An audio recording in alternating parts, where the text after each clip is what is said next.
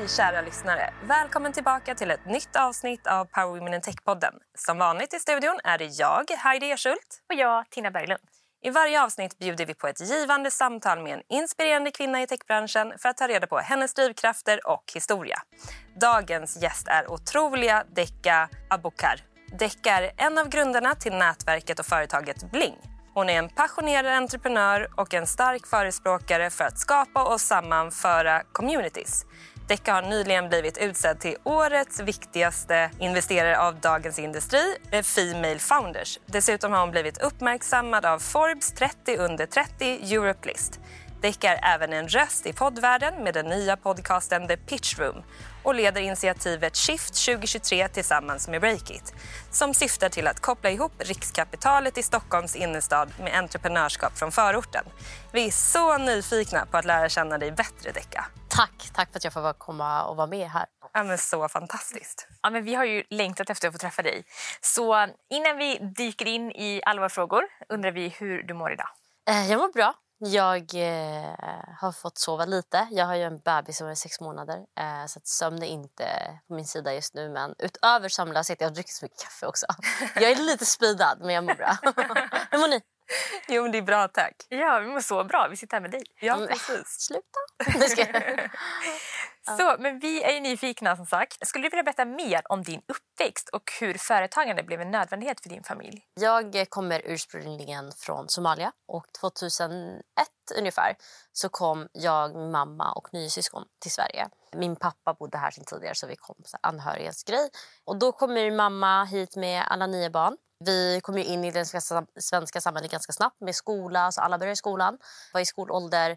Och så blir min mamma kvar hemma och inser ganska snabbt att hon behöver ju vara med och försörja på något sätt. Och då får hon för sig att starta en butik. Så noll förkunskaper, kan knappt svenska. Jag tror inte att hon hittar ut från gården men ska ändå liksom hitta ett sätt att försörja sig. Så hon eh, på ett eller annat sätt hittar en lokal, sätter upp den här butiken och fast forward några år fram så lyckas hon köpa hus och bil och allt vad det innebär tack vare då tillsammans med min pappa eh, genom den här butiken. Vilken förebild. Precis, jag tror att för henne var det liksom så här, hon hade inget val. Och jag frågade henne idag så här, hur gick tankarna till från att komma hit till att starta ett bolag inom ett år. Eh, för någon som har bott här hela deras liv kan ju vara till och med ett jättestort steg åt en hög tröskel. Men det är nog en gång så här, entreprenörskap som nödvändighet där man inte kanske tänker igenom alla steg eller kan allt om Skatteverket och vet, börjar problematisera i princip allt möjligt utan man kör bara på. Så det var min, inte min första exponering mot entreprenörskap men det som är tydligast för mig när det kommer till entreprenörskap i ung ålder. Du har även, även nämnt tidigare att din mormor och moster är mm. entreprenörer. Hur påverkades du av ja, men deras initiativ och driv? Alltså då, framförallt när jag bodde i Malmö, tio år sedan, och då kom vi till Malmö. Jag har bott i, eller bodde i Malmö ganska stora delar av mitt liv. Då tror jag inte att jag såg dem som entreprenörer. Det här var liksom mammas jobb enligt mig. Och min mosters jobb och mormors jobb. Liksom. Det var, för mig var det ett sätt för dem att försörja oss och jobba ordet entreprenörskap och entreprenörer fanns inte i mitt vokabulär tror jag ens. Utan det är nu i vuxen ålder, kanske de senaste fem sex åren, som jag har kunnat se oh, gud, det de gjorde var entreprenörskap.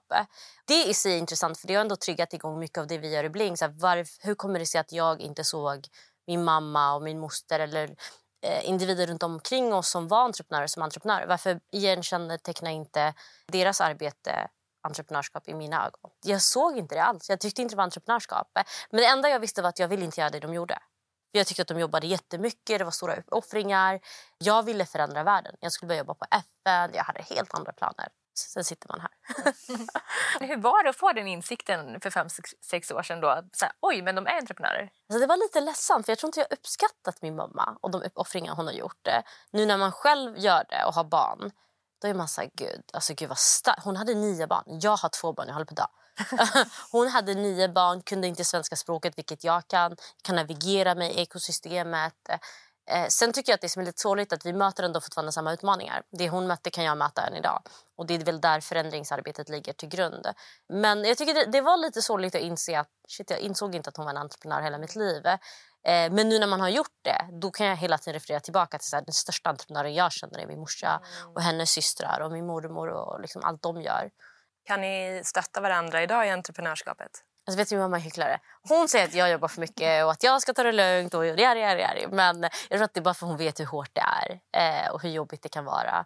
Eh, men hon förstår ju också mig på ett helt annat sätt. Till skillnad från min pappa. Min pappa är lärare. Vi kommer ju från helt olika världar.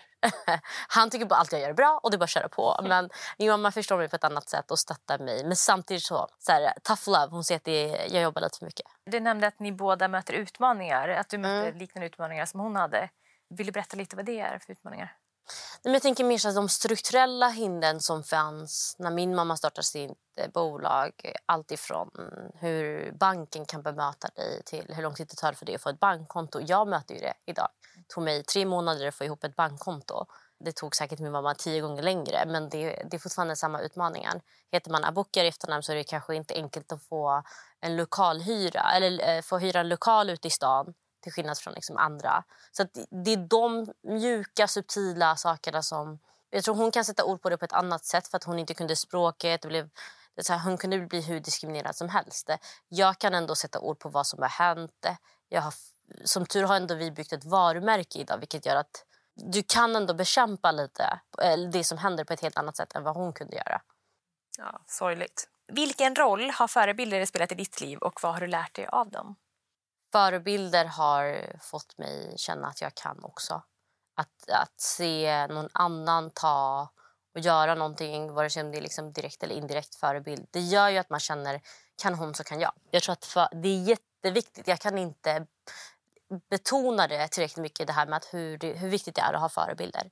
Hur viktigt det är att känna igen sig i en roll, en karriär, en väg att ta. Jag tror vi människor väljer det vi vill göra eller bli medvetet eller omedvetet baserat på vad vi exponeras för. Och Att ha förebilder är ett tydligt sätt att exponeras för någonting. Alla bolag som säger hur löser vi nya talanger, hur får vi mångfald? Förebilder, förebilder, förebilder. Alltså det har varit avgörande för mig.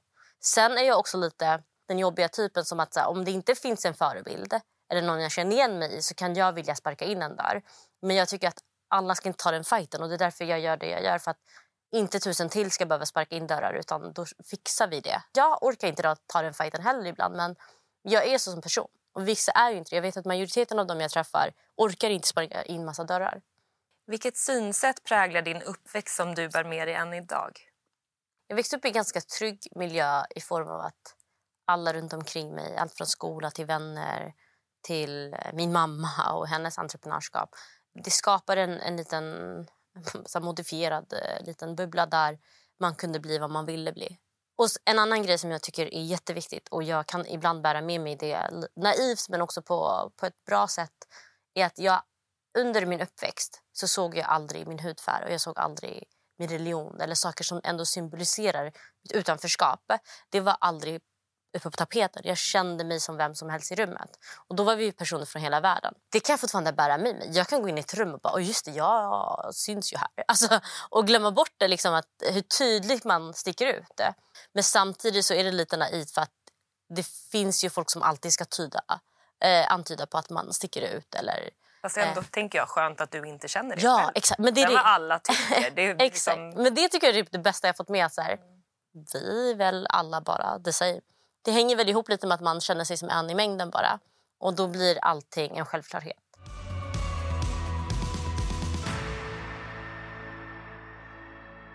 Sedan 2014 så driver du Bling mm. med Adnan Josef. Mm. Ni arbetar för att motverka entreprenöriell segregation. Vad innebär det? Så här, arbetsmarknadssegregation eller arbetsmarknadsutanförskap är lätt att ta på. Det handlar om att vissa får inte jobb baserat på namn, nätverk och annat. Det finns samma segregation inom entreprenörskap. Eh, har man inte rätt nätverk, känner man inte rätt person så är det svårare till kapital. Eh, kunskap beroende på vart man bor, vart man kommer ifrån. Eh, exponeras för olika typer av entreprenörskap som jag och min mamma. Jag såg inte det som en entreprenörskap. Man associerar entreprenörskap med en viss bild. Så det finns en utanförskap i entreprenörskapsvärlden även om det är eh, ganska demokratiserande verktyg. Och Vad är bakgrunden till att, att Bling grundades? Alltså det var ju frustration igen. Det är mitt livs eh, så här, röda tråd. Eh, men jag ville ju absolut inte bli som min mamma så jag flyttade hit för att börja plugga. Så Jag har pluggat statsvetenskap och det går i linje med att jag vill förändra världen. Jag ville jobba med FN och bla bla bla. Sen träffade jag på min medgrundare Adnan då som då hade ett bolag som jag skulle bli anställd på eh, under studien. Och då började vi dag ett snacka om hur kan vi påverka samhället och massa saker. Och han är så här renodlad entreprenör eh, och jag kommer från eh, ideella sektorn. Och då, där och då började vi snacka om entreprenörskap som metod eh, utan att ha reflekterat över att det hjälper mig, min mamma, min familj och liksom den omgivningen runt omkring mig. Eh, men bara hade öppna diskussioner. Han hade ju ganska svårt att komma in i arbetsmarknaden vilket gjorde att hans entreprenörskap också var en nödvändighet trots att han var utbildad och allt vad det innebär.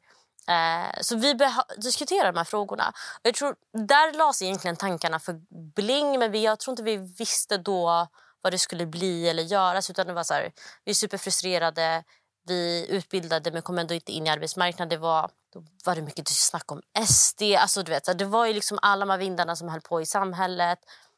Och Då tänkte vi men hur ska vi lösa det här. Och Efter massa reflektion så insåg vi att entreprenörskap är ju det vi har växt upp med runt omkring oss och vi själva. Kan vi använda det för att skapa ett jämlikt samhälle? Hur många entreprenörer har ni hjälpt? Alltså, vi har träffat 10 000 entreprenörer. Eh, det räknade vi nyligen på. Eh, sen har vi startat över 300 bolag tror jag. Och sen så träffar vi vissa som redan har haft bolag så att vi har coachat massa människor. Alltså det finns ju något enorm, en enorm drivkraft i frustrationen då, även om ja. det är jobbigt att behöva känna det. Men ja. jag tänker att det får en verkligen pusha. Mm, verkligen. Ja, ja, och jag tycker man ska ta vara på, framför allt nu, idag, hur världen ser ut, alla utmaningar vi möter i Sverige, utanför Sverige. Man, man har ju en viss frustration eller eh, man är ledsen på något sätt. Man har ju känslor. Och Jag vet att massa män skulle bara, man ska aldrig agera på känslor. Men de här känslorna kan också vara grunden för actions, alltså att du gör någon handling. Så jag tycker att man ska ta vara på det. Jag är sån som är jättehögkänslig. Jag kan reagera på saker och ting, bli superirriterad, mejla någon mitt på natten och bara, vad är det här? Kan vi göra något åt det här? Och jag tycker det är jätteviktigt för att så fort vi stannar upp i känslan och tänker att ah, det här är bara en känsla, det går över. Klart blir jag ledsen om jag ser ett barn dö. Och så skiter i det. Då normaliserar vi också den här känslan. Så jag tycker man ska agera på känslor. Eh, och det har vi gjort många gånger i Bling, ska vara ärlig. Bara så här, Gud, det här är skitdåligt. Varför händer det här i samhället? Okej, kan vi göra någonting så behöver vi skapa något. Och då är det för sent för att gå tillbaka. Har du något exempel? Alltså förorten, eh, som är vår idétävling. Den kom upp 2018. Det är en idétävling som riktar sig till Sveriges förorter för att främja entreprenörskap där. Den kom ju ur ren frustration att det fanns så många tävlingar den tiden. Men vi bara tittade på listan och vi försökte söka till några. Alltså, ingen tog emot oss. Och vi bara, fan vi ska skapa en egen tävling. alltså, och du vet, vi ska bara rikta den mot förorten för att förorten ska få komma ikapp. Och då har vi, alltså den är ju skapad av ren frustration. Hela Bling är fan skapad av ren frustration. Mm. Men ni gör ju skillnad också. Ja, det kan jag säga att vi faktiskt gör. Och jag tror när man jobbar som vi gör där vi vill förändra någonting och skapa förbättring av någonting. Det tar ju tid. Inget blev ju över en natt. Hur påverkar det ett samhälle där fler väljer att bli entreprenörer? Alltså, entreprenörskap för mig är det mest demokratiserande som finns. Eh, du behöver ingen utbildning, mer eller mindre. Och Du behöver kanske inte ha jobbat på ett ställe. utan eh, Vi har ju sett många med drivkraft kunna ta sig igenom ganska mycket och ganska långt. Eh, så det, På så sätt är det bra, för då kan vi släppa in fler i rummet. Men också, det beror på lite vilka värderingar vi har i samhället. För entreprenörer, framförallt investerare, på något sätt formar vi vilka produkter eller tjänster eh, gemene man tar emot. Det. Och eh, kan vi inte representera alla i de här produkterna och tjänsterna så kommer vi skapa mer polarisering i samhället. Så jag vet att många entreprenörer tror inte att de har ett samhällsansvar och investerare glömmer ju typ i princip bort det. Men hur viktigt det är att liksom kolla på hela leden, eller hela leden och tänka på okay, vart, eh, vart har jag impact, vart påverkar jag? Genom vilka jag investerar i, vilka produkter skapar vi, vilka är med och tar fram produkterna eller tjänsterna. Så att jag tror man ska avdramatisera det här med entreprenörer som bara liksom någon cool grej som någon gör och så bygger de ett bolag och that's it. Och de behöver inte ta ansvar för något utan tvärtom. De påverkar oss supermycket. Kolla alla appar, alla tjänster och allt som kommer upp nu på samma tema. Så det finns ju, tidigare undersökningar har det visat sig att knappt 1 av riskkapitalet hamnar i förorten. Mm. Varför är det så viktigt att vi har en mångfald bland företagen? Alltså mångfald i Sverige, man måste ta upp det i så makro och mikronivå. För att Sverige ska kunna vara konkurrenskraftig i det globala så måste Sverige ha mångfald på grund av att mångfald är en strategisk fördel. Bara idag kom det ut någonting från World eh, Economic Forum tror jag de heter, där de visade att bolag som har fler kvinnor eller där det är jämställt performar bättre financial, alltså finansiellt. Eh, så det finns ju massor av saker som tyder på att det ger dig eh, bättre förutsättningar i det globala. Så Sverige som land måste jobba med det här som en strategisk fördel och ingen så goodwill för att vi ska vara ett bra samhälle bara. Det är för det första. Och det andra är att vad vi än gör i samhället det måste ju spegla resten av samhället. Vi kan inte ha ett samhälle där en procent av befolkningen representerade.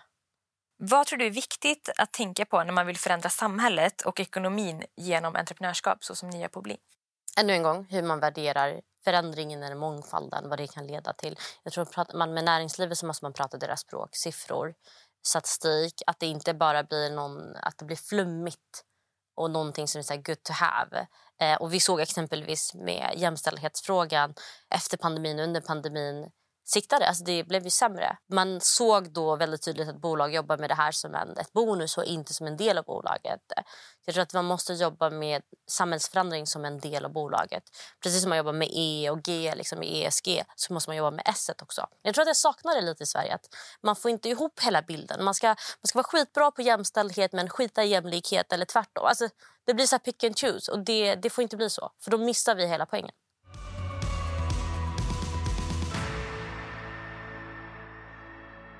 Hur skulle du säga att du hanterar fördomar och utmaningar i samband med att vara kvinna med utomeuropeisk bakgrund i affärsvärlden? Om vi tar tillbaka det till i början av min karriär. Då tog det på mig så mycket. Så fort man fick en fördom, eller någon som sa det högt. Massa nej som var motiverade av saker som hade inget med bling att göra och så vidare. Då tog det, jag tog det väldigt, väldigt hårt. Jag hade jättedålig självkänsla. Och då, någonstans tror jag att jag, blev, jag mådde så pass dåligt att jag var tvungen att utvärdera om jag orkade fortsätta med den liksom, verkligheten som det var, eller som det är. Då bestämde jag faktiskt helt ärligt för att bara jobba för mig själv. Förstå varför jag gör det jag gör, vem är jag? Gå tillbaka till den här trygga bubblan som jag växte upp i. Att, okay, jag behöver se mig själv som en självklarhet i de här rummen. Och så fort jag går in i ett rum så ska inte jag låta den andra personens åsikter, tankar eller whatever it is påverka eller färgas av på mig. Och Det var många år av terapi, eh, helt ärligt. Massa tuffa situationer. Men i grund och botten att verkligen jobba på sig själv och vara trygg i sig själv. Då tror jag att så här, hela världen kan hata på dig och tycka att du är värdelös. Såklart är det tufft, eh, men man orkar ta sig fram för att man tror på sin sak, man tror på sig själv som individ och man tycker att det är en självklarhet att man ska finnas i de rummen. Och det, alltså, nu har jag så här, vält över till den övernaiva sidan där jag är så här, ah, men hej!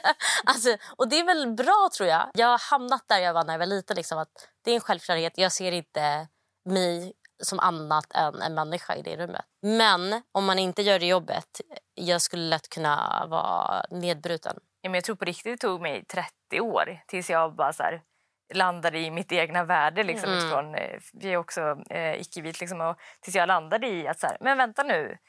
Just det, jag är värd lika mycket som alla andra. Det, liksom att, det, det tog ju sina terapitimmar och det tog ja. sin tid. Men att landa i det, det också, jag känner en stor skillnad. Ja. Eh, Visst gör man det. Ja, man bara jaha, just det, nej, men jag är värd det här. Och man, man kör ju på på ett annat sätt. Liksom. Ja, exakt. Och det behövs. Alltså, I näringslivet så pratar man så mycket om karriär och andra saker som så här, hårda kopior. Glöm bort de här mjuka värdena av att jag behöver ha, förstå mitt självvärde innan jag steppar in i en karriär eller annat. För annars kan det gå väldigt snabbt. Du kan träffa på väldigt hemska människor. Alltså, typ nu när jag var gravid förra året. Jag hörde så många säga eh, kvinnor när de har fått barn borde inte jobba eller hur ska man klara av att vara gravid och jobba? Hur har du tänkt med barnskaffandet? Vet, och jag bara, det är fan 2020, förlåt att jag svär. 2023 och vi snackar fortfarande om att kvinnor skaffar barn. Mm. Det är vårt största problem. Vi har inte insett att det är en naturlig del av kvinnan.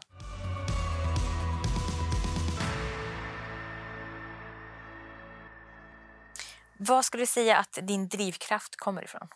Alltså vet du, jag har fortfarande inte jättetydligt svar på det. Jag tycker det är en jobbig fråga. Jag motiveras av att se alla förändringar, små som stora. Samtidigt som jag motiveras av alla orättvisor som finns. För att det är någonting som håller en vaken. Så det är väl the good and the bad på något sätt. Sen tror jag att jag har någon inneboende skuld eller tacksamhet som gör att jag känner att jag måste göra någonting av den chansen jag har fått i livet. Du nämnde precis Decka att 2020 var du med om en olycka som satte livet på paus. Mm. Kan du berätta mer om vilka insikter som den tiden har gett dig? Jag brukar beskriva det så bildligt som möjligt för att man ska inse vad som hände. Jag gick från typ träna sex, sju gånger i veckan, älskade träning, älskade träna, till att inte kunna hämta mat i min etta som var 20 kvadratmeter. Alltså jag, jag kunde inte gå till köket så någon var tvungen att lägga mat på bordet varje dag för att jag skulle kunna äta. It was that bad. Och jag gick från att ha femårsplan och veta exakt allt jag ville göra till att ett, inte kunna röra mig ur sängen. Så jag var ju tvungen att droppa skola och allt möjligt. Alla aktiviteter jag hade vid sidan av. Blev deprimerad, var hemma ungefär i två år för att rehabilitera och så. Men någonstans eh, valde jag ändå att försöka eh, gå, springa och allt det här som normala människor gör. Och det ledde till att eh, jag tror att jag, jag hittade väl styrkan i att orka igen. Men det fick mig också lite som att så här, jag brukar säga jag fick en vit, ett vitt papper och började rita om på. För någonstans i den resan där jag rehabiliterade började jag reflektera inte bara över det fysiska utan här, rehabilitera psykiskt. Mm. Vad är det som har hänt? Jag gick på terapi första gången i mitt liv eh, och tog tag i mycket som jag... Eh, jag, vet, jag vet inte om jag hade gjort det om jag fick bara fortsätta i livet om jag ska vara ärlig. Och det fick mig inse att många drömmar och saker som jag ville göra var på grund av andras... Eller var mått, måttstocket var i alla fall andras förväntningar och fördomar. Jag fyllde nästan boxen av vad andra trodde jag kunde bli eller göra baserat på hur de uppfattade mig rather than vad vill Decca göra ifall ingen fick döma eller begränsa mig. Så jag fick komma tillbaka till livet med massa skador såklart. Alltså jag fick scenskräck, jag kunde inte ens prata i rummet, typ två personer. Du vet. Det var mycket som hände. Men samtidigt så, var så, här, så visste jag mer än någonsin och väldigt tydligt vad jag ville göra och vad jag ville åstadkomma. Sen var vägen dit skitlång. Men det gav mig ett vitt papper att rita om på. Ärligt med handen på hjärtat säger jag idag, det är det bästa som har hänt mig bortom mina barn.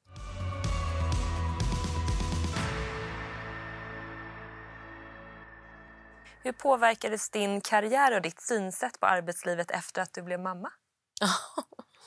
Vet du, mina barn är typ det bästa som har hänt mig men också min största utmaning. jag kan bygga bolag i sömnen men inte ta hand om barn. Min äldsta är sex år. Så jag fick henne under rehabiliteringen efter skadan. Då var det mycket som hände i Sverige rent politiskt. Jag hade varit borta från arbetsmarknaden i två år. Jag hade varit borta från det, alltså i princip allt. Det. Och det enda jag känner efter hon har kommit ut är fan hon ska inte växa upp i det här samhället. Det var det första. Jag hade ingen aning. Jag kunde inte ens gå. Let alone gå ut och förändra världen. Men jag, jag visste bara att hon inte ska få uppleva det jag har upplevt. Det. Den drivkraften och liksom gnistan som tändes av att hon inte ska få uppleva de här sakerna den tog mig antagligen över många trösklar efter eh, olyckan och gör det än idag. Sen fick jag till barn ett halvår sedan. Jag, jag, ska, jag ska beskriva det här bildligt. Nu kommer jag förstöra en massa män här. Men jag sitter i förlossningen, eller ligger där. Och så, vet, så här, Första kryssningen, nu alla mammor kanske känner igen det här, men det här är jättebildigt. Kryssar ut huvudet. ska man krysta en gång till, men det tar ju några minuter. Och, och jag eh, hade knappt någon smärta. Jag hade ingen smärtstillande minns jag. Och jag ska ut det. Jag, du vet, man zoomar ut, man är helt inne i sitt huvud. Det skulle kunna vara vem som helst utanför rummet. Jag sket i allt och alla, jag var inne i mig själv. Det var så här revanschförlossning också. Och medans jag känner varenda ben i min kropp gå sönder, för hon ska ju ut så sitter jag och tänker om jag kan göra det här. Om jag kan föda ut det här barnet så här, av mig själv som kvinna, trycka ut ett barn ur min kropp med all smärta och allt vad det innebär. Det finns ingenting i världen som kan knäcka mig. Min första dotter det var, det var mer motivation över att det här samhället ska hon inte växa upp i. Min andra dotter det var min styrka. Alltså det var verkligen så okej, okay, jag fattar hur stark jag är som individ. Så här efter så kan jag göra vad som helst. Det, så här, det byggde min självkänsla. Jag kan verkligen relatera. Jag har också ja. två döttrar, ja. typ i samma ålder. Förutom den lilla, den, första, den äldsta är också sex mm. Eh, och den lilla är fyra och ett halvt. Men eh, jag växte jättemycket som kvinna yeah. efter att jag födde barn. Och så imponerad jag var över mig själv. Mm. När vi liksom kom till eftervården mm. Eh, och min fastman typ däckar direkt. exakt. För han har fött jag... ut barnet. ja, men exakt. Nej, men han var ju, det var ju jättejobbigt. exakt. Eh, och han somnar och jag ligger själv. Och typ så här, glädjetårar som kommer och jag liksom klappar mig själv på axeln och är så stolt Ja. över mig själv. Mm. Det var så fint att också bara känna det. Och där kände jag att så här, jag har växt. Jag kan göra allt. Kan man föda barn också utan... Mm. Eh, jag hade inga, Vad heter smärtstillande? inget Ja. alls, Ja. förutom lustgas. Att bara komma ihåg den där stunden, att gå tillbaka. Och Jag lovade mig själv faktiskt där och mitt i den krystande och alla skriker i rummet. Och Jag sitter och jag försöker förklara till mannen. Jag bara, alltså, jag hörde inte er. Nej, det gjorde inte Jag, bara, jag hade en konversation med mig själv om Ja. hur stark jag var och jag ska ta över världen efter det här. Du vet, så här. Nej, men jag hade en whole convo. Jag går tillbaka till den stunden så fort jag känner att det är jobbigt. Så fort jag känner gud jag ska resa en ny fond, hur ska jag klara det här? Jag är trött, jag har ju sömnlöst. Jag bara nej jag har fått ut ett barn. Kommer du ihåg den där känslan? Kommer du ihåg Ja, den smart, det stunden? ska jag faktiskt ta med mig också. Så jag går tillbaka till det. Så att för mig har barn, som, lite som du säger, jag har växt upp. Jag har växt eh, i min självkänsla, mitt självförtroende, i mig själv på ett helt annat sätt. Och sen kan jag, min utmaning nu omvandla det till in i mitt arbete.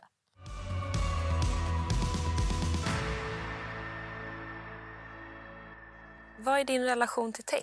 Jag tror att jag upptäckte tech och satte ord på ordet tech ganska sent i vår entreprenörskapsresa. Idag är det väl en essentiell del av svenska näringslivet eller svenska samhället. Så att vi har, I Bling jobbar vi med att lära upp och utbilda kring tech på olika sätt. Hur kan man använda tech? Hur kan man implementera tech? Vad är ett techbolag? Vad är det bästa med branschen? Det, jag är inte den här som är rädd för hur långt vi kan ta det. Utan tvärtom, jag blir supertaggad att se hur långt vi kan ta det här. Och vart, AI.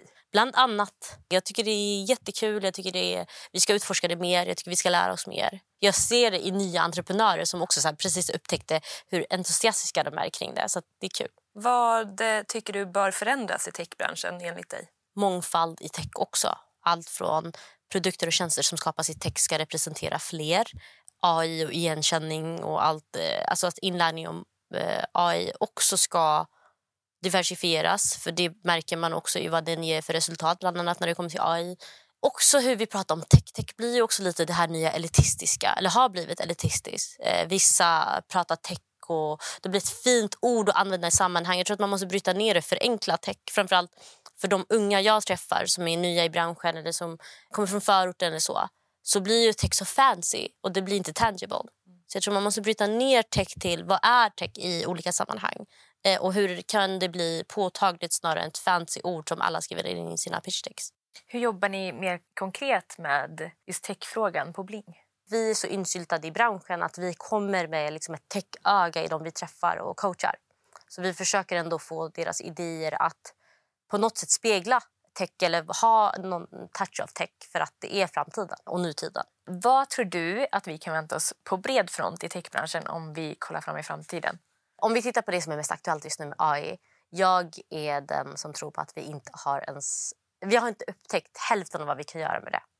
Jag tror att vi kommer lära oss använda det och navigera oss i den världen på ett sätt som gynnar oss och inte den här känslan av att den konkurrerar med oss. Utan jag tror vi kommer hitta ett sätt att förhålla oss till tech eller framförallt AI som gör att det kommer gå, hjälpa oss framåt.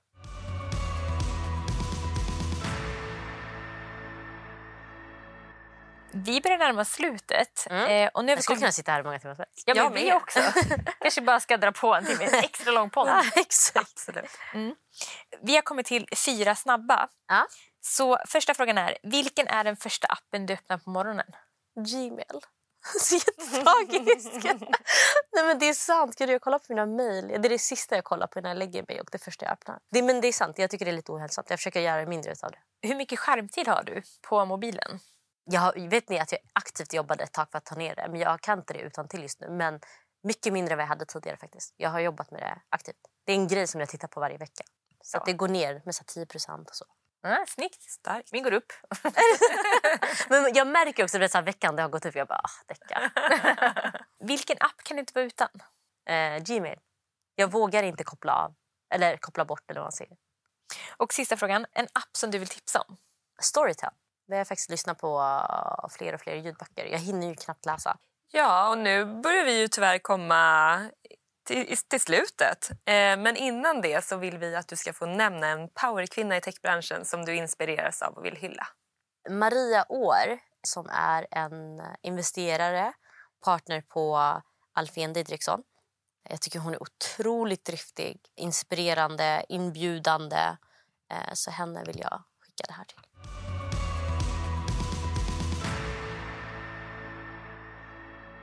Vi är så glada för att du ville komma hit idag, Dicka. Du är en fantastisk drivkraft och inspiration för många, inte bara för mig och Heidi.